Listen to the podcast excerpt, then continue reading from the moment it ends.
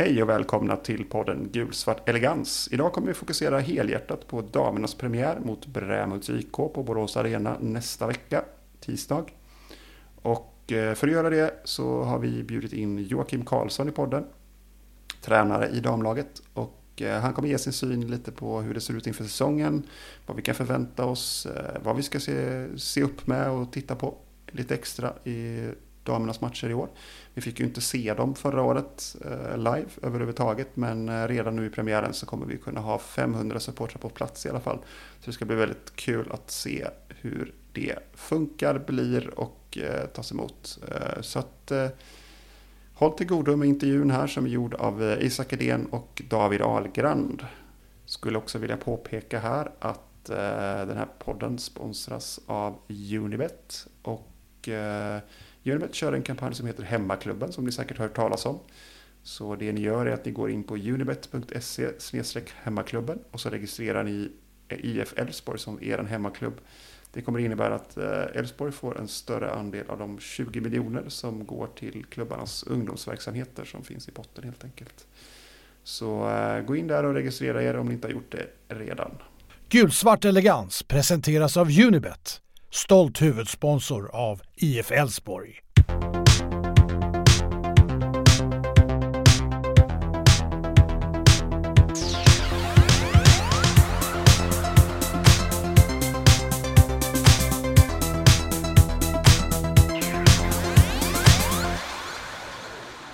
Hej och välkomna till podcasten Gulsvart Elegans. Eh, vi görs ju i samarbete med Spotify och Unibet. Eh, jag som pratar heter Isak eh, och med mig som vanligt har jag inte David och David utan idag är det bara David Olgan med mig. Och så har vi också en gäst eh, med oss som vi ska komma till alldeles strax. Men först, hur är läget med dig Olgan? Jo tack, det är alldeles, alldeles utmärkt här. Det är ju en härlig dag här nu och nu ser vi fram här nu när det är mm, lite EM, vankas EM här nu och, och lite olika seriepremiärer och, och uppehåll nu så att nu, nu har man lite fotbollsabstinens här. Ja, men det börjar ändå närma sig. Eh, vi har ju premiär med damlaget här nästa vecka och det ska vi komma till alldeles strax. Eh, och sen är det faktiskt inte långt kvar till här herrallsvenskan drar igång heller och så lite EM på det. Så att nu börjar man ändå känna att fotbollen börjar återvända till eh, samtalsämnena. Vi kommer ju inte prata så mycket nyheter idag. Eh, vi har ju sålt Josef Komo eh, och det kommer vi till i nästa podd misstänker jag nästa vecka. Utan idag är det fullt fokus på damlagets premiär nästa, nästa vecka och därför är vi mycket glada att ha med oss Joakim Karlsson eh, huvudtränare för Elfsborgs damlag, till podden. Välkommen! Tack så hemskt mycket! Kul att du ville ställa upp. Hur är läget med dig så här en vecka innan premiär? Jo, det är bra, förutom att man har blivit lite förkyld och sitter hemma och jobbar. Så att, eh, men annars är det bra och eh, lite spänt är det helt klart att det börjar närma sig seriepremiär, absolut. Det låter härligt. Vi tänker att vi tar några snabba frågor med Joakim här och får en liten uppfattning om vem är Joakim? Eh, ålder? Jag är 57 år. Familj? Eh, gift med Karin Danehammar. Eh, hon har två stycken barn och eh, två barnbarn. Sen har jag mina två egna söner från ett annat förhållande. Så att, det är familjen. Utbildning? Jag gick ju verkstadsteknisk linje på Almåsskolan och sen gjorde jag ett grenval till plåt och svetsmekaniker. Sen har jag inte jobbat så mycket med det, utan nu jobbar jag som säljare istället. Tränarerfarenhet? Tränare, ja, jag, jag började ju min tränarbok, eller började som tränare 93 här. Det var en kille som heter Gert Hansen, för detta målvaktstränare i Elfsborg. Vi, vi startade i Espred ihop. Och då var vi bägge två spelande tränare, så det var där jag startade på herrsidan fram till 2009. Och eh, från 2010 har jag varit på damsidan då så att eh, vi var ju uppe i, Alls eller i Allsvenskan med Dalsjöfors då 2011. Eh, så att det är den erfarenhet som jag har. På mm. herrsidan är det Norrby division 2 när de låg där. Då. Något eh, drömjobb som tränare då, förutom IF Elfsborg? Nej men det... Jag vet inte, drömjobbet är att få jobba med fotboll fotboll kontinuerligt. Nu jobbar jag ju med mitt ordinarie jobb som, som säljare och åker runt då. Helt klart så som fotbollen är ju på, på kvällstid. Så att eh, det lärde det egentligen att få jobba med det på heltid. Det har varit en, dröm. Jag gjorde det 2011 och halva 2012 då. Hur långt bort tror du det är att eh, ja, men man kan jobba som heltidstränare i Sverige? Vad krävs det för division på damsidan då? Är det allsvenskan bara eller är det superettan också? Eller även den som heter superettan? Elitettan. Division 1. Jag tror det är att eh, det kanske är så att vissa elitklubbar, elitklubb, eh, de som har damlag i elitettan, de kanske har några heltidsanställda, men sen är det allsvenska. För det tror jag att det är ett krav att du ska ha ett, ett, en heltidsanställd tränare. Då. Så ungefär en fem år bort om vi går rakt igenom seriesystemet. Ja. Krav från EFD. Jo, eh, vi har ju eh, gått igenom fjolåret i division 4 eh, med nio matcher i en enkelserie där man eh, vann samtliga matcher. Hade 68 plus mål, eller 68 mål, förlåt, 68 mål gjorda och eh, Ehm, och vann den serien helt enkelt och nu spelar man då i division 3 västra damer. Vad, ehm, nu har vi alltså vankar en match här nu mot eh, Brämhults IK 29 i sjätte klockan 18.00. Hur är känslan inför säsongen och läget i truppen? Det har ju varit en väldigt vad ska säga? Man, nu säger man att det har varit en väldigt lång säsong, men det är ju för att vi har tränat så mycket och inte kunnat spela så matcher. Då känns ju säsongen mycket längre då. Nu har vi då spelat ett antal träningsmatcher och eh, nu börjar det kännas bra. Nu känns det som att tjejerna får tillbaka motivationen lite. Nu får de börja tävla lite vi, eller jag får se lite hur det vi pratar om, om, om från träning till match då vi möter andra. Nu har vi bara tränat och vi känner varandra så väl på träningarna så att man kanske inte får ut allt det som man önskar då. Eh, så, att, eh, så nu känns det bra. Nu känns det riktigt bra. Hur många träningar har, vi, har man i veckan? Eller har vi? Vi har tre träningar i veckan. Har vi.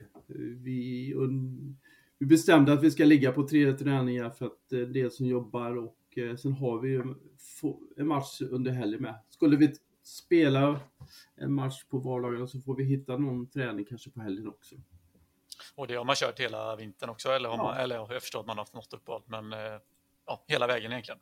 Ja, tank, tanken var ju egentligen att vi skulle köra fyra dagar i veckan fram till alla träningsmatcher, men det blev inga träningsmatcher, så då bestämde vi för att kunna hålla motivationen uppe så la vi oss på tre träningar i veckan då. Fast vi kör ju två timmars pass då. Vi har ju alltid fys efter varje fotbollsträning då. Efter en och en halv timme så kör vi fys ungefär 20 minuter. Bra, jag tänkte vi skulle komma till det, men vi kan, du är inne på det redan nu. Hur har det varit den här försäsongen med all alltså, coronaosäkerhet med liksom när serien ska starta och ja, men, förbud mot att spela matcher till och med och knappt ibland har det varit förbud att träna också i princip. Hur har, den, hur har, man, hur har känslan i laget varit kring det och hur har man hanterat det så att säga? Nu hade vi erfarenhet från förra året. Eh, men då, då hann vi ju spela några matcher innan förbudet kom. Nu har vi ju varit förbud fram till, till eh, träningsmatcherna nu i början då på, på, på juni då. Eh, men det, det, har ändå varit, eh, vissa veckor har varit väldigt, väldigt bra, vissa veckor kanske lite mindre bra, men jag tycker ändå helheten så har det varit väldigt bra för tjejerna och även från ledningen också. Då. Har man märkt någonting på motivation och så eller måste man tänka lite annorlunda när man inte har just någon match att se fram emot? Tänker själv att ja, ja, det är ju matcher man ändå tränar för, tänker jag. Ja, jag håller med dig och eh, vissa tillfällen så har det varit tyngre för dem. Det har det varit, det, det håller jag med om. Kan du berätta lite grann för, för våra lyssnare hur det ser ut med um, hur ser organisationen kring eh, damlaget ut eh, med ledarstab och hur många är det som är, engagerar sig kring kring damlaget generellt? Eh, ser vi på, på ledarsidan så har vi eh, vi har ju en kille som heter Jan Rulén då, som är en eh, koordinator mellan själva vad ska man säga, eh, ja, sidan och ner till, till, till, oss på ledare och sen på ledarsidan så har vi två två lagledare i Niklas Karlsson och Claes Mattsson då. Mm. Sen har vi en tjej som heter Mary som jobbar också med Flickakademin som ingår i våran ledarstab också. Då har vi en, en anknytning där emellan. Mm. Och, och, så är det jag som är huvudtränare. Jag har ju noterat på några klipp här att eh, Jan Mark har varit inne någon träning och så där, i alla fall i fjol. Jag vet inte om han fortfarande är det eller har han någon konsultroll eller ideell roll? Eh, ja. De flesta vet ju nog vem Jan Make är. Ja, absolut. Ja. Eh, nej, Jan är inte med i... Han var med en stund förra året, var med i början då. Eh, så att, men nu är han inte med. Ja, okay. Få, eh, berätta gärna lite grann om eh, hur, hur spelar damlaget? Lite spelsätt, formation, taktiska utan att avslöja för mycket. Men eh, i stora grunder om man säger så. Vad, hur, vad, ehm, hur, ser, hur ser det ut liksom, i, med lite styrkor och ehm, i laget. Så. Det är lite kul att, att, veta för dem som, som, som kommer nu engagera sig och, och kommer komma och följa och sådär. Så att, eh. ja, våran, eller min filosofi är ju ett mm. spelsystem som heter 4-2-3-1 då. En fyrbackslinje, två sittande mittfältare, tre offensiva och så har vi en forward då. Och, vad ska man säga, det var lite så att jag var i Elfsborg 2006 och tränade deras juniorer med Eh, med Reima Hauka och då var faktiskt jag och Mark ansvarig för, för den sidan om man säger på juniorsidan då. Och då var ju Magnus Haglund tränare med Peter Wettergren då. Och eh, de spelade ju det här systemet och det kändes som att det passade mig bra.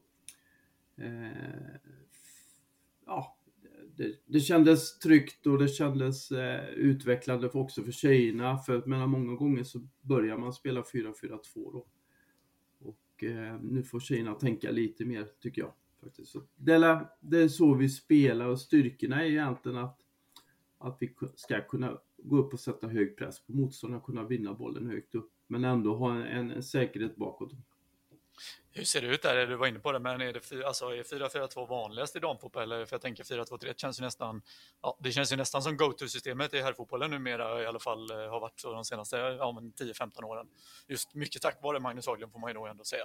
Jag håller med dig och eh, jag ska man säga, vi, jag tror att vill man utveckla sig som tränare så, så hittar man sitt sätt att spela, vad man tycker själv. Sen måste man helt klart ha med spelarna på på det här tänket. Eh, 4-4-2 är någonting som även jag, när jag spelar fotboll, blev upplärd och, och, det var en trygghet och man visste vad man, hur man jobbar då. Eh, men eh, jag vågar inte säga om det är mer vanligt på damsidan eller på herrsidan. Så att, eh, jag tror det är blandat beroende på vad du har för tränare och vad filosofi det är för varje tränare.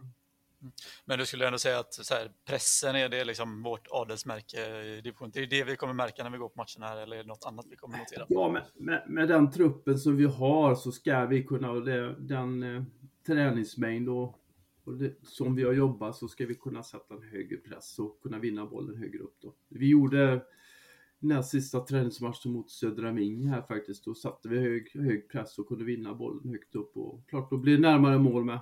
Så att, eh, så är tanken. Är det hur, eh, ja, men, har du någon koll på ungefär hur andra motsvarande, alltså det våra konkurrenter, hur ofta de tränar och sådär? Eller? Jag har ju inte det och det är man kanske just nu är man inte på den nivån som man eh, Ja, helt klart att jag kan åka scouta och titta på andra lag som är i närheten av Borås då, det kan man göra om man eh, viktigaste är för mig att mina spelare vet hur de ska agera och att de läser av motståndarna ganska snabbt. Vad, vad, hur spelar de och var hittar man svagheterna? För också, man får tänka på att de här tjejerna är unga och det är en utbildning också för dem att, att eh, lära sig under match också. Ja, men verkligen. Eh, vi fick ju tyvärr inte se en enda match eh, under fjolåret, eh, i alla fall inte live, eh, av förklarliga skäl.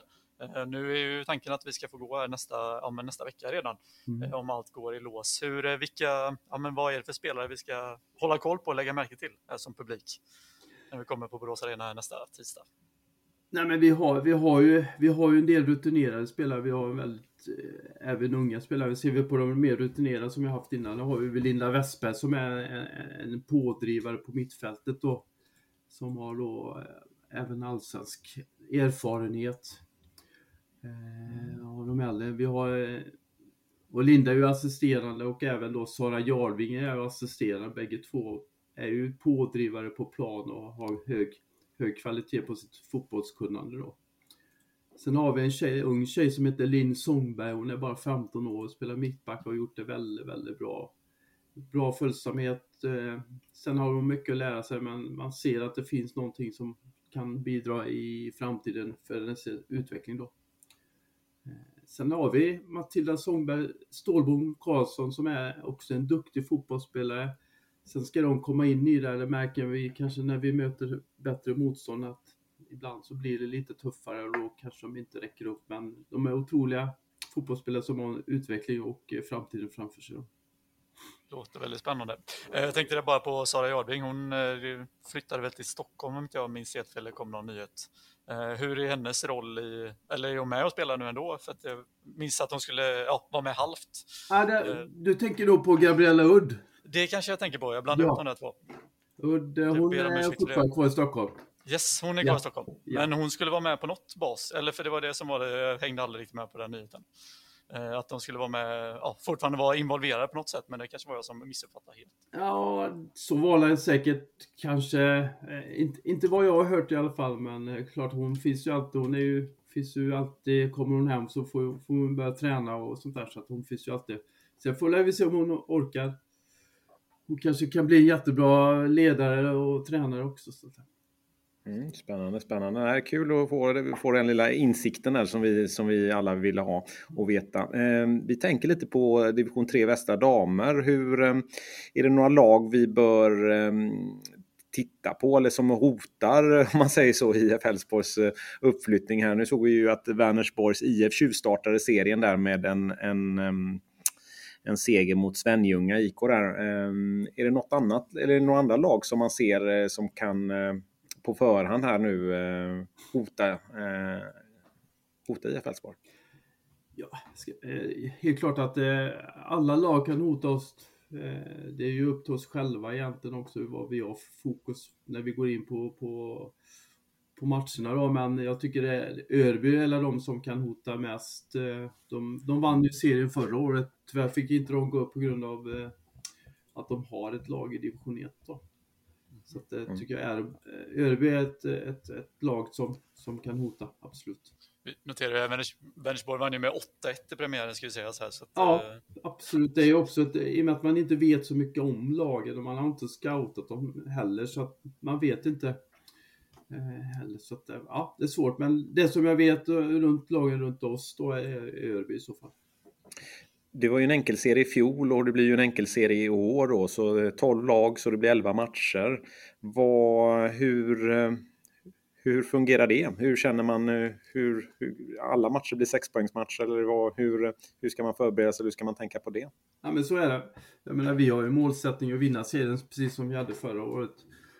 Förra året var det lite annorlunda i och med att vi startade division 4 då och vi hade ju en trupp så att varje match så, så bytte vi ett, ett helt lag på plan i stort sett. Eh, det kanske vi inte gör i år. Eh, då får man titta, man får kanske, som ni säger, sexpoängsmatcher, då får man starta med det laget som man tycker som är på hugget och vill allra mest och visar bäst på träning då. Mm. Eh, och sen får man byta. Kanske man inte byter alla i halvlek då, utan man, då får man se hur, hur det har gått, hur det, ja, kvaliteten är. Är någon skada, då får vi byta. Skulle vi leda med 1-0 och då byter man ju kanske inte. Är det fortfarande fria byten nere i division 3? Ja, det, ja det är det. det är Hur högst upp eh, kommer man innan det blir ja, så att säga restriktiva byten? Jag tror det är division 2 tror jag det är fria byten. Okay. Faktiskt. Eh, och jag är lite jag är lite emot det faktiskt. Jag tycker, har jag bytt, gjort ett byte en gång så tycker man då ska man ge den här spelaren en chans att få spela. Många gör bara för man är trött och har man tränat dåligt tycker jag. det låter helt rätt. Så du är inte en sån eh, tränare som har sett i de här lägre divisionerna som skickar in någon lång på hörna och sen så kommer ut eller ja, kasta inkast eller vad det nu kan vara. Nej, jag är inte det. det låter ju sunt. Eh, och då är ett lag som går upp, ett lag som kvalar. Eh, det stämmer? Ja, det stämmer. Det stämmer. Mm. Och målsättningen är väl, eller ja, jag antar att den är att gå rakt upp eller att vinna serien? Eller ja, hur ser det ut? Ja, absolut. Det är målsättningen. Spel inför publik och lite sådär och motståndare och, och egna spelare som spelar på Borås Arena. Vad, hur känner man att det är en eh, fördel jämfört med andra lag? Eller, är det, eller vad, Jo, men jag tror att på något sätt, eh, vi har ju märkt när vi har kommit nu på träningsmatch har vi mött lag som har kanske lite mindre planer och klart då blir det ett helt annorlunda spel. Motståndarna kanske har mer fysiskt spel och då, då gynnas de av det om det är en mindre plan också. Borås Arena, när du kommer in så känns den väldigt, väldigt stor. Och klart att när vi har tränat där hela tiden, klart att vi har en fördel att kunna ha bra förutsättningar med alltid en bra plan, det studsar inte eller någonting sånt. Så det är helt klart att det gör skillnad. Vi kommer ju också, men vi har varit inne på det, men vi kommer ju förhoppningsvis då få publik nästa vecka om ingenting konstigt händer. Ja. Har man, eller hur, ja, men hur förbereder man sig på det som spelare? För jag tänker att de flesta av de här har ju aldrig riktigt spelat inför ja, men någon form av ståplatspublik innan på det sättet som det förhoppningsvis kommer bli på, ja, om en vecka nu och även resterande matcher givetvis. Nej, men jag tror att det är för mig själv, om man säger som ledare och tränare, så tycker jag det är otroligt eh, positivt och eh, det är ju en, en boost för hela, hela gruppen egentligen och jag tror att på något sätt att även för spelarna, om, om de tar det på rätt sätt, det får inte bli så att de blir ännu mer nervösa bara för att det är publik då, eller den bakgrunden man kan egentligen eh, tänka sig att, att många kanske inte som du säger inte spelat för, för mycket publik innan och det var kanske de närmaste, bara föräldrar och sånt där. Här kommer det folk som som de inte känner och aldrig träffat och har en, en åsikt och ropar lite. Jag tänkte säga det, hur kommer man hantera alla, ja, men det brukar ju skrikas framåt x antal gånger från ståplatshåll, eh, även om bollen rullas i backlinjen och annat. Hur, hur ska ni hantera det som uh, tränare och spelare? Nej, men tanken är vi, vi måste prata om det. Det är ju det vi får göra och jag tror att eh, som spelare kommer du in på plan och domaren, dom, domaren blåser igång så, så tappar du det. Då, då är du så fokuserad på ditt fotbolls, eh, på matchen så att då, då, då hoppas jag att de släpper det. Det låter klokt. Det finns bara en coach och det är Jocke Karlsson och inte de på läktaren. Härligt. Vad, en eh, rolig fråga här också. Eh, spelarrekrytering, hur har, hur har det förändrats lite grann om man jämför med fjolåret? Lite in och ut. Vi som gillar att diskutera de här frågorna. Vad, hur, vad har skett?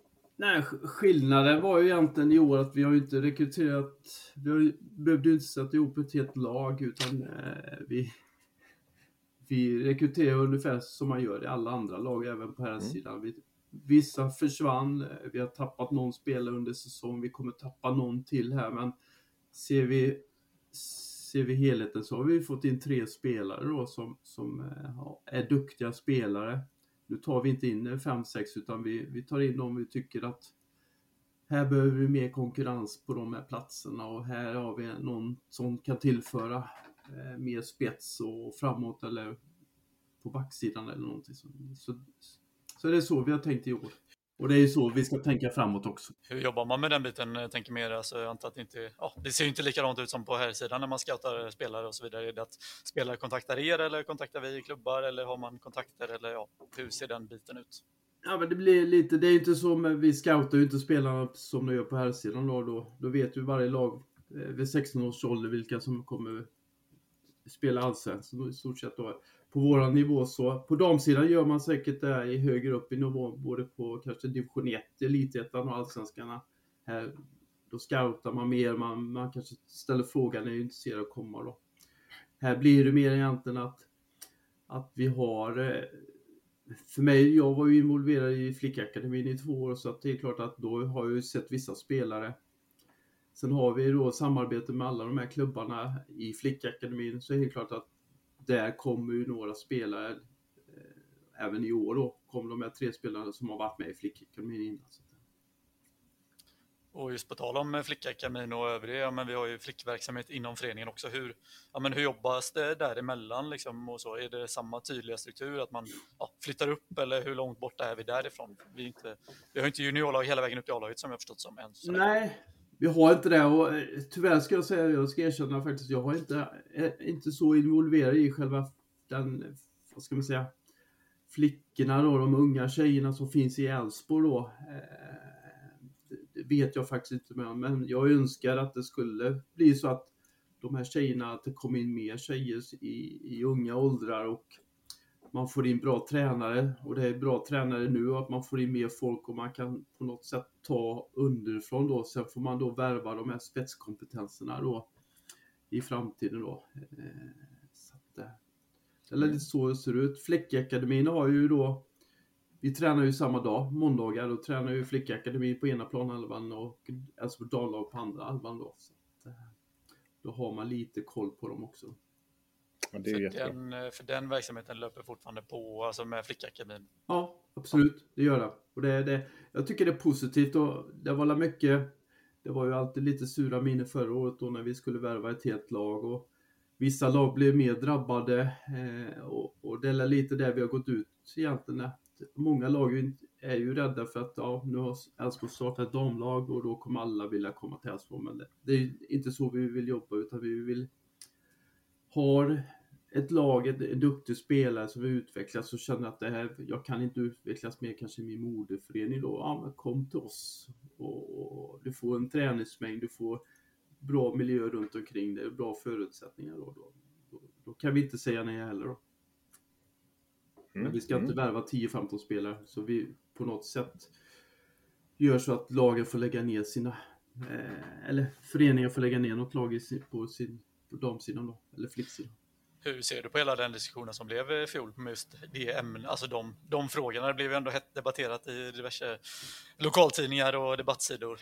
Jo, men jag, jag, jag förstår dem. Jag var ju själv i Sjömarken 2017-2018 och eh, när jag kom till Sjömarken så var det ju fem, sex spelare som följde med, med mig till Sjömarken från IFK Örebro. Så klart att eh, och sen när jag lämnar och s- när vi startar upp Elfsborg så helt klart att då finns det ett intresse från dem också att komma till Elfsborg.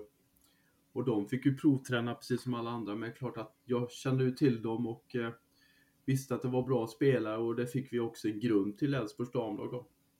Men jag förstår många fler, jag tyckte det var jättetråkigt så att, att eh, Sjömarken fick lägga ner sitt lag och eh, ja, Mm. det, det är alltid känsligt.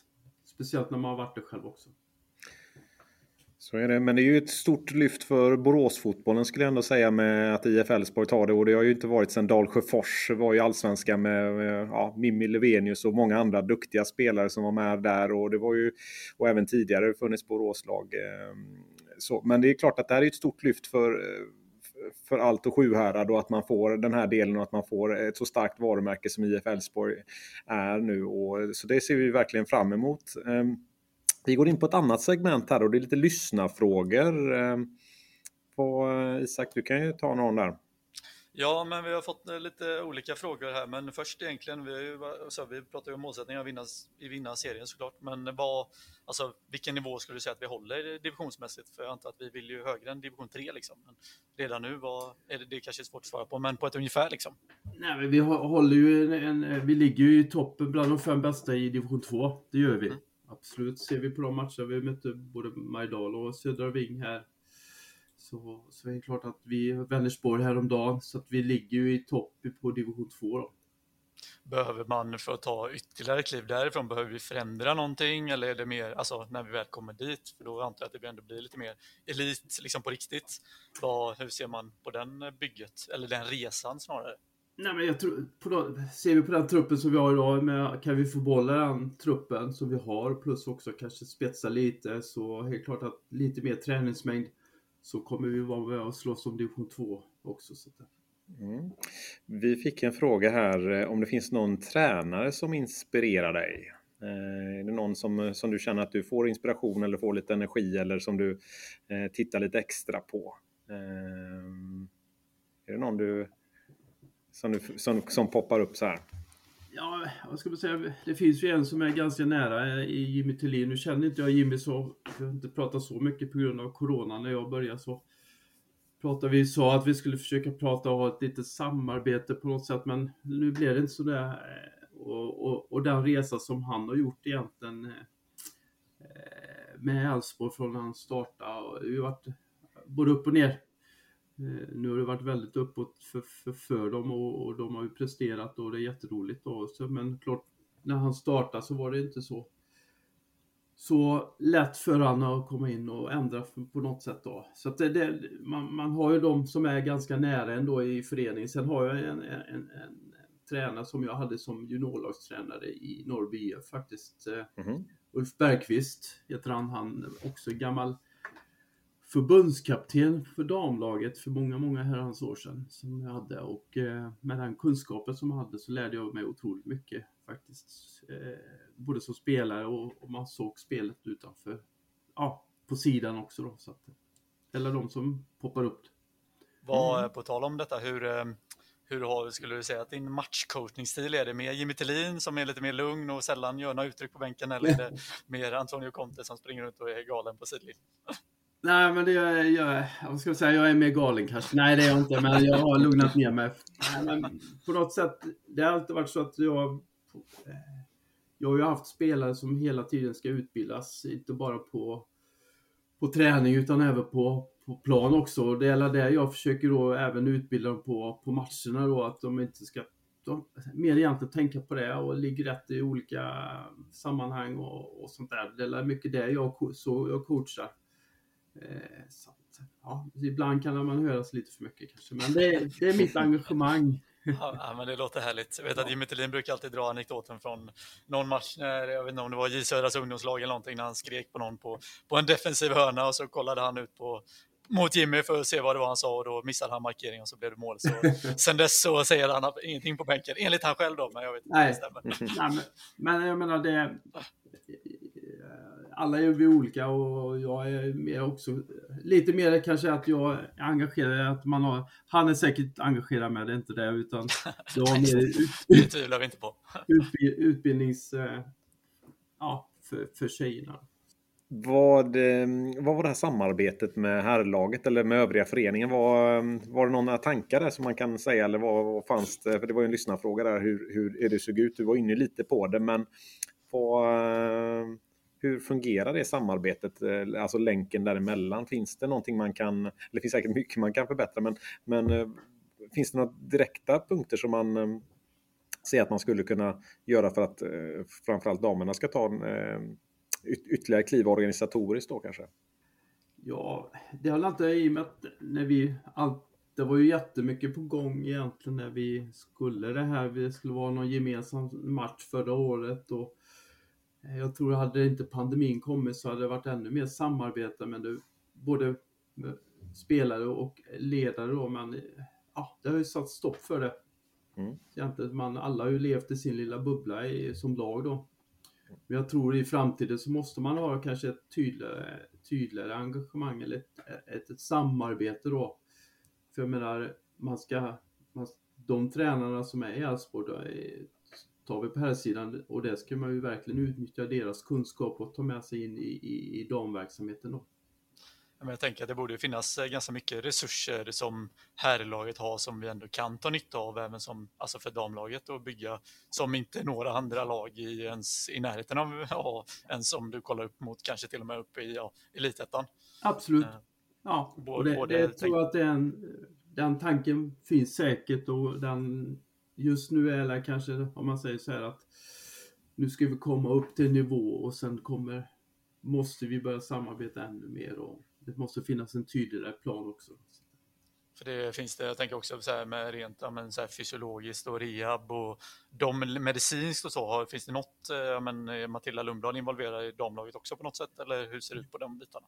Ja, vi kan ju alltid, vi kan alltid fråga Matilda om det är något speciellt då. Eh, sen, sen eh, småskalor och sånt så har vi, har vi, jobbar vi med frisk i praktiken då, att vi, jag kan, eh, de kan ringa dit och de får komma dit och få en, en, en, en de får komma dit och få någon som, som är proffs på det, och titta på dem, vad behöver de göra så vi får igång en behandling fort då.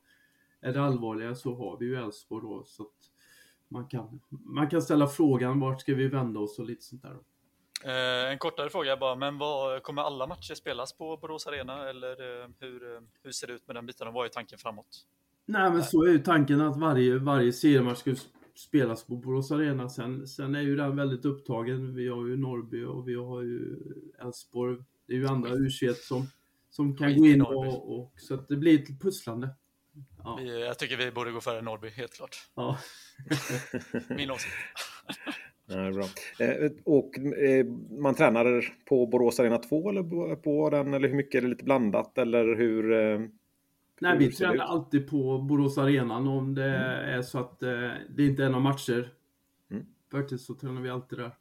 Har vi några härliga arbets, arbetstitlar i truppen tänkte jag säga. Vad, um, några intressanta civila karriärer. Finns det något annat kul att um, gå in där Isak. Eh, tänker du på något annat du ville fylla i på den frågan? Nej, det var du som Lyssna har skrivit den, eller Stadig som har skrivit den. Så att, Ja. eh, det är väl bara vad, ja, men jag antar fråga. att eftersom det inte är så många heltidsproffs i truppen så lär väl folk göra annat. Ja, eh, ska vi se, Linda Westberg så jobbar hon på, på posten som brevbärare. Eh, Ellen Larsson, Johan Larssons syster, jobbar som arbetsterapeut. Eh, så att eh, många av dem går ju fortfarande i skolan. Mm. Eh, så att eh, ja, alla har ju olika yrken. Finns det, finns det någon så här bit, jag, menar, tänker fotbollsutbildningsmässigt, alltså, men folk satsar på fotbollskarriär, alltså tränare, utbildar sig, ja, vad vet jag, den typen av grejer. Ja, vi säger båda Linda och eh, Sara har ju gått grundutbildning nu på fotbolls... fotbolls eh, den första stegen om man säger då på ungdomssidan om man börjar från noll då, så att, och nej men det tror jag att de är nog kanske lite taggade på att testa på i framtiden då. Eh, sen går ju många, en del av de här unga tjejerna, de har ju valt den här NIU det är ju den fotbolls, fotbollslinjen på Sven Erikssonskolan då. Och klart. För dem blir det tre pass till extra i veckan då, så att, eh, Eh, Jag tänkte, jag kom på en sak här, jag tänkte på samarbete med herrlaget så. Finns det, jag tänker på alla de här liksom, tekniska programmen som används med, ja, men nu finns ju såklart inte Y-scout för division 3 damer, det fattar jag också, men eh, alla med de här pulsbanden och pulsvästar hit och dit och ja, allt vad det är nu man använder. Fin- Alltså använder man sånt även på den här nivån i damsidan eller hur jobbar ni med, hur jobbar ni med de bitarna? nej det gör vi inte. Vi gör det inte. Det gör vi inte. Eh, det vi, det ju, vi jobbar med det är ju på matcherna att vi har ju eh, Gunnar i Excel som filmar alla matcher och då får ju alla matcher och eh, sitter och tittar efteråt. Så det är mer det. Jag gör min scouting på vårt eget lag då. Okej. Sen är det helt klart att när vi, när vi inte tränar så mycket, då kanske man tränar man varje dag så kanske man behöver en pulsklocka för att mäta att man inte ska ligga på en viss nivå för då sliter det mer egentligen. Så att, eh, högre upp så behövs det. På vår nivå behövs det inte. Man kan, det kan vara kul att testa på det för tjejerna. Härligt. Joakim, ett stort tack eh, för att du har varit med i, eh, i våran podd här. Och eh, vi önskar givetvis ett enormt ge enorm energi här nu till seriepremiären här som kommer, som är som sagt nästa tisdag eh, 29 6 18.00. Eh, Köp, eh, köp seriebiljett om ni vill gå på matchen för att eh, mest troligtvis så kommer det ju vara ja, 500 åskådare och då är det 500, och vi har sålt mer än 500 seriebiljetter. Så att, eh, köp seriebiljetter om ni vill ha en chans att gå på damlaget här i början. För det tycker jag såklart vi ska göra. Jag är otroligt taggad på eh, serie eftersom man gick miste om hela den premiärsäsongen så är man verkligen taggad både på fotboll men också framförallt på den här premiären. Det känns ju väldigt kul och spännande. Ja, ser man på EM nu så ser det väldigt härligt ut när Danmarks spelare går med x antal publik i. Mer, mer ölregn på Borås Arena vill Joakim Karlsson ha. ja. Eh, ja, nej, men vi ser fram emot att uppmana alla som sagt att gå. Det kommer något mejl från Elfsborg i dagarna. Jag vet inte om det kommer idag eller imorgon. Eh, just där man får anmäla intresset om man har seriebiljett och sen efter det så ja, om det blir lösbiljetter så får man ju såklart köpa det den vägen då. Men eh, alla damlagets matcher ingår ju med seriebiljetten. Eh, och jag råkar veta att det kommer någon form av minikampanj för seriebiljetter för resterande del av året också i veckan. Så att, eh, håll utkik eh, och köp seriebiljett för att eh, vi får börja gå på fotboll här igen och det ska bli fantastiskt kul att se både Elfsborgs herrlag eh, spela allsvenskan och Europa men såklart även Elfsborgs damlag i division 3 västra mot, mot lag som jag vågar lova att ingen har sett eh, live eh, tidigare. Så att, eh, det är alltid kul med nya ställen och nya motståndare. Så är det. Härligt, har du något att avsluta, en avslutande ord Joakim? Nej, utan eh, kom och se oss. Det vore jättekul om det kom så mycket publik som möjligt och stötta oss i, i våra matcher. Härligt, då ses vi på Borås Arena om en vecka och så Ja. skriker vi framåt eh, så fort vi har bollen. Härligt! Tack så mycket för att du var med Joakim. Tack, tack själva. Ha det bra. Hej. Detsamma. Hej. Ha det bra Joakim. Hej. Vi tackar David Ahlgrand, Isak Edén och framförallt Joakim Karlsson för att han ställde upp för en intervju för oss. Eh, och hoppas och tror att det ska gå bra för damerna på tisdag mot Brämhus IK i premiären som sagt. Och det ska bli superkul att se eh, lite aktiva supportrar på plats i, i lite mängd ändå på Borås Arena. Även om det är såklart inte är lika många som vi eh, är vana vid så kommer det bli ett väldigt lyft att få in 500 pers på arenan. Så det ser vi verkligen fram emot och hoppas, jag hoppas så själv, såklart själv att kunna komma dit. Men vi får se lite om vi blir tilldelade biljetter eller inte. Eh, vi har också igen ett eh, meddelande från vår huvudsponsor Unibet. Eh, just nu pågår ju fotbolls-EM så vi har valt ut lite odds därifrån. Vi har ju redan ett eh, pågående spel på Viktor Claesson som bäste svenske målskytt, vilket ju inte är helt orealistiskt fortfarande eftersom Sverige definitivt kommer att gå till åttondelsfinal i alla fall. Och eh, Claesson är fortfarande med i truppen plus att Sverige har faktiskt inte gjort så många mål. Så den eh, ligger vi kvar på helt enkelt. Sen har jag en liten dubbel här snabbt som jag vispat ihop, nämligen att eh, de två åttondelsfinaler som redan är klara här på mm, tisdag kväll när vi spelar in den här podden, eh, nämligen Italien mot Österrike och eh, Danmark-Wales, båda slutar med favoritvinster, det vill säga att Italien vinner tämligen komfortabelt och att Wales också åker ut eh, mot Danmark. Det ger ett sammanlagt odds på 2,91 eh, och det tycker jag är ganska spelvärt med tanke på att det känns väldigt realistiskt att båda de eh, resultaten slår in. Jag tycker att Danmark ser starkare ut än Wales och jag tycker definitivt att Italien ser starkare ut än Österrike. Även om det är såklart lite tuffa matcher. Viktigt att tänka på är att regler och villkor gäller. Du måste vara 18 år för att kunna lägga ett spel på Unibet. Och har du problem eller känner någon i din närhet som har problem så finns stödlinjen.se eh, som kan hjälpa dig. Eh, med det så skulle jag vilja avsluta dagens podd. Vi kommer eh, såklart att fokusera på dammatchen lite grann även nästa vecka. Vi kommer också att eh, ta upp såklart de övriga händelserna som har varit kring IF Elfsborg i veckan. Bland annat att vi har en eh, stor försäljning av Josef Okomo till eh, eh, Gent som vi såklart vill prata lite om. Men det här avsnittet fick handla helt om damernas premiär, vilket jag tycker känns helt rimligt eftersom det är en sådan historisk händelse. Ni får ha det fint och så hörs vi nästa vecka. Hej då!